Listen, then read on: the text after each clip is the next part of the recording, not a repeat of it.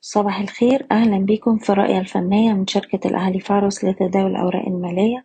تسعة أغسطس ألفين تلاتة وعشرين في جلسة امبارح المؤشر شهد ارتفاع في بداية الجلسة اقترب من مستوى المقاومة تمنتاشر ألف نقطة.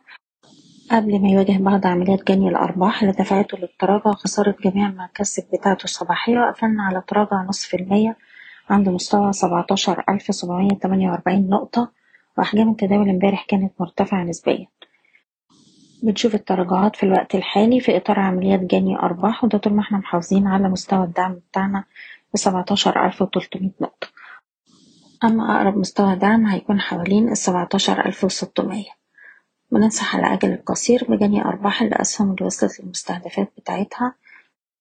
واللي عايز يحتفظ يقدر يرفع مستوى حماية الأرباح لأقرب دعم حسب كل سهم على حدة. بشكركم بتمنى لكم التوفيق. إيضاح الشركة غير مسؤولة عن أي قرارات استثمارية يتم اتخاذها بناء على هذا التسجيل.